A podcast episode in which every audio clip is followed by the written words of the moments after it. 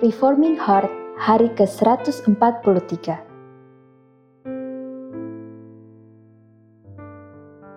Renungan ini diambil dari website pemuda.stemi.id. Tema renungan hari ini adalah Yosia, penggenapan nubuatan Tuhan. Mari kita membaca Alkitab, diambil dari kitab 2 Raja-Raja, pasal 23, ayat 16 sampai dengan ayat 24. Demikian bunyi firman Tuhan. Dan ketika Yosia berpaling, dilihatnyalah kuburan-kuburan yang ada di gunung di sana. Lalu menyuruh orang mengambil tulang-tulang dari kuburan-kuburan itu, membakarnya di atas mesbah dan menajiskannya, sesuai dengan firman Tuhan yang telah diserukan oleh abdi Allah yang telah menyerukan hal-hal ini. Ia berkata, Apakah tanda keramat yang kulihat ini? Lalu orang-orang di kota itu menjawab dia, Itulah kuburan abdi Allah yang sudah datang dari Yehuda dan yang telah menyerukan segala hal yang telah kau lakukan terhadap mesbah Betel ini. Lalu katanya, biarkanlah itu, janganlah ada orang yang menjamah tulang-tulangnya. Jadi mereka tidak mengganggu tulang-tulangnya dan tulang-tulang nabi yang telah datang dari Samaria itu. Juga segala kuil di bukit-bukit pengorbanan yang di kota-kota Samaria yang dibuat oleh raja-raja Israel untuk menimbulkan sakit hati Tuhan, dijauhkan oleh Yosia, dan dalam hal ini ia bertindak tepat seperti tindakannya di Betel. Ia menyembelih di atas mesbah-mesbah itu semua imam bukit-bukit pengorbanan yang ada di sana, dan dibakarnya tulang-tulang manusia di atasnya, lalu pulanglah ia ke Yerusalem. Kemudian raja memberi perintah kepada seluruh bangsa itu. Rayakanlah Paskah bagi Tuhan Allahmu, seperti yang tertulis dalam kitab perjanjian ini. Sebab tidak pernah lagi dirayakan Paskah seperti itu sejak zaman para hakim yang memerintah atas Israel dan sepanjang zaman raja-raja Israel dan raja-raja Yehuda. Tetapi barulah dalam tahun ke-18 zaman Raja Yosia Paskah ini dirayakan bagi Tuhan di Yerusalem. Para pemanggil arwah dan para pemanggil roh peramal, juga terafim, berhala-berhala dan segala dewa kejijikan yang terlihat di tanah Yehuda dan di Yerusalem dihapuskan oleh Yosia dengan maksud menepati perkataan Taurat yang tertulis dalam kitab yang telah didapati oleh Imam Hilkia di rumah Tuhan. Demikianlah firman Tuhan.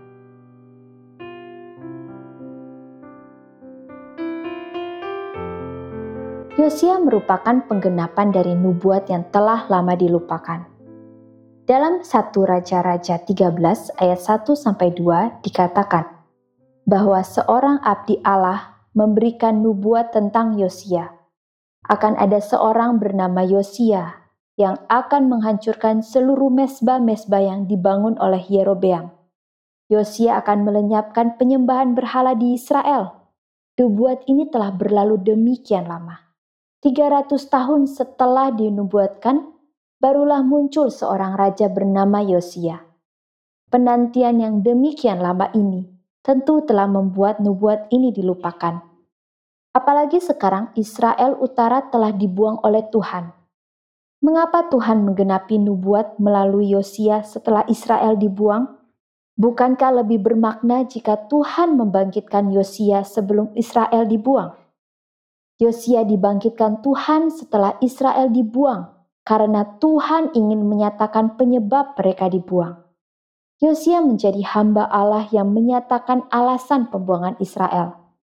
Mereka dibuang karena mereka menyembah berhala. Tindakan Yosia ini menjadi tanda mengapa Israel dibuang, sekaligus menjadi pernyataan kemenangan Tuhan atas mesbah-mesbah berhala di Israel. Tuhan telah menubuatkan kehancuran mesbah-mesbah berhala tersebut, tetapi memilih untuk menghancurkan umatnya sebelum mesbah-mesbah itu pada akhirnya dimusnahkan juga. Pembersihan tanah Israel tetap dilakukan dengan ataupun tanpa umat Tuhan menempatinya.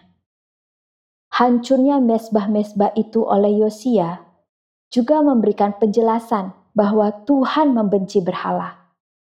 Tetapi dibuangnya Israel sebelum mesbah-mesbah itu dihancurkan, memberi pengertian bahwa umat Tuhanlah yang Tuhan murkai, bukan berhala-berhala beserta mesbahnya.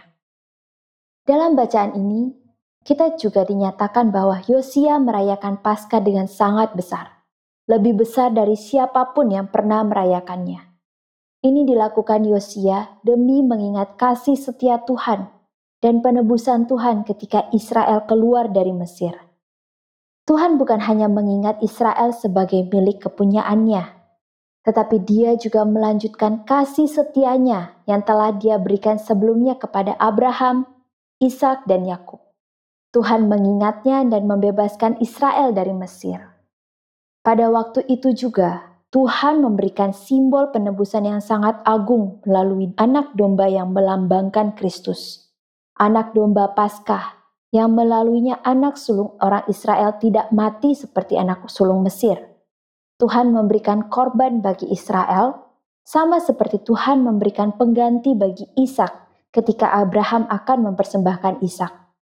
Yosia memahami bahwa tidak ada gunanya membersihkan semua keberdosaan Israel dan Yehuda jika tidak ada penebusan. Walaupun seluruh daerah telah bersih dari berhala, dan walaupun di seluruh negeri tidak ada lagi orang yang mengarahkan rakyat untuk menyembah berhala, tetapi tetap harus ada konsep penebusan. Tanpa penebusan yang menuntut penumpahan darah, tidak akan ada pengampunan dosa. Itulah sebabnya Yosia merayakan Paskah dengan sangat megah bagi seluruh kaum Yehuda. Selain untuk memperingati belas kasihan Tuhan dan konsep penebusan Tuhan, Yosia juga merayakan Paskah untuk menyatukan seluruh Yehuda dengan pengertian yang sama. Seluruh umat Tuhan bukan hanya disatukan oleh tradisi, sejarah yang sama, musuh yang sama, atau lainnya. Jikalau umat Tuhan tidak mengerti identitas mereka sebagai umat tebusan, maka mereka akan sulit mengetahui alasan cara hidup mereka harus berbeda dengan bangsa lain. Jikalau Yehuda hanya merasa satu karena daerah yang sama, lalu mereka harus menghadapi musuh yang sama, maka persatuan ini merupakan persatuan yang bernilai rendah. Mereka harus mengerti bahwa darah anak domba Paskah adalah yang mempersatukan mereka sebagai umat Tuhan. Hari ini kita akan melihat dua hal untuk menjadi bahan renungan kita. Yang pertama adalah janji Tuhan untuk memusnahkan mesbah berhala yang ada sejak zaman Yerobeam ternyata menjadi genap setelah 300 tahun kemudian.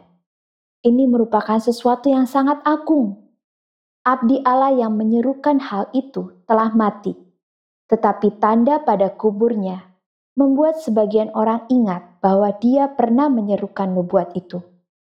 Tuhan memelihara setiap kalimat yang dia nyatakan melalui para hambanya, sehingga pada waktu kalimat itu benar-benar terjadi, kekaguman umat Tuhan kepada Allah menjadi makin besar.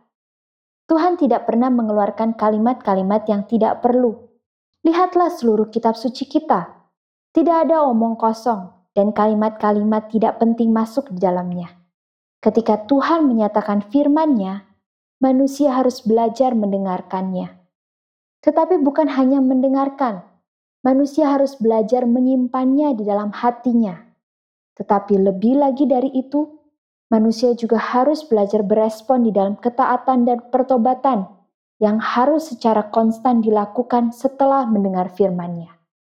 Dan karena firman Allah adalah firman yang kekal, maka manusia juga harus mengajarkan anak-anaknya untuk sungguh-sungguh mengenal perkataan-perkataan Tuhan dan menantikan penggenapannya di kemudian hari.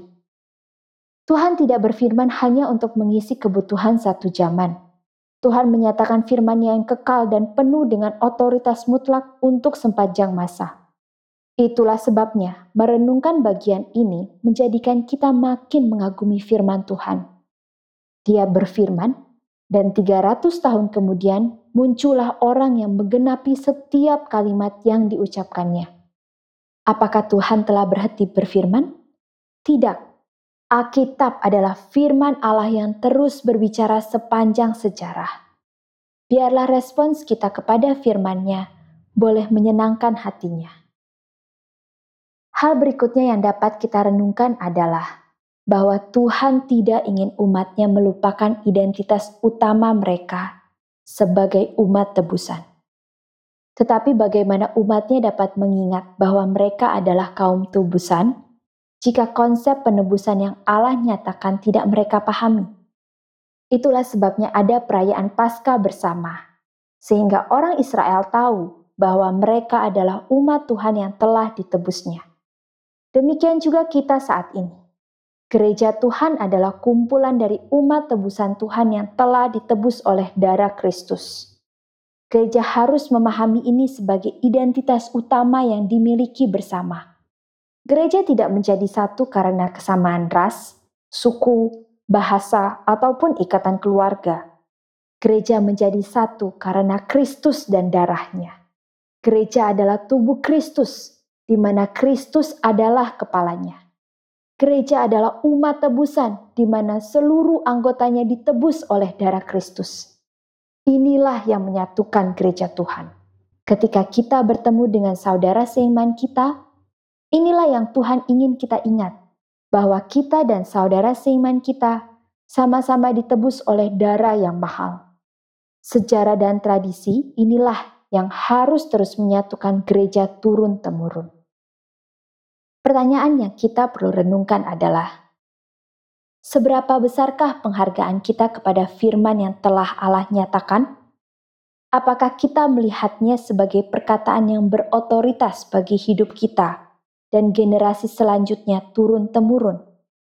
Ataukah secara konsep kita memahami ini, tetapi secara iman dan komitmen hati kita tidak pernah sungguh-sungguh menerima hal ini? Yang kedua, jika kesatuan di dalam darah Kristus adalah kesatuan yang agung dan sangat mahal, apakah kita telah belajar menerima saudara seiman kita dan benar-benar merasakan kesatuan dengan mereka karena darah Kristus? Demikianlah renungan pada hari ini.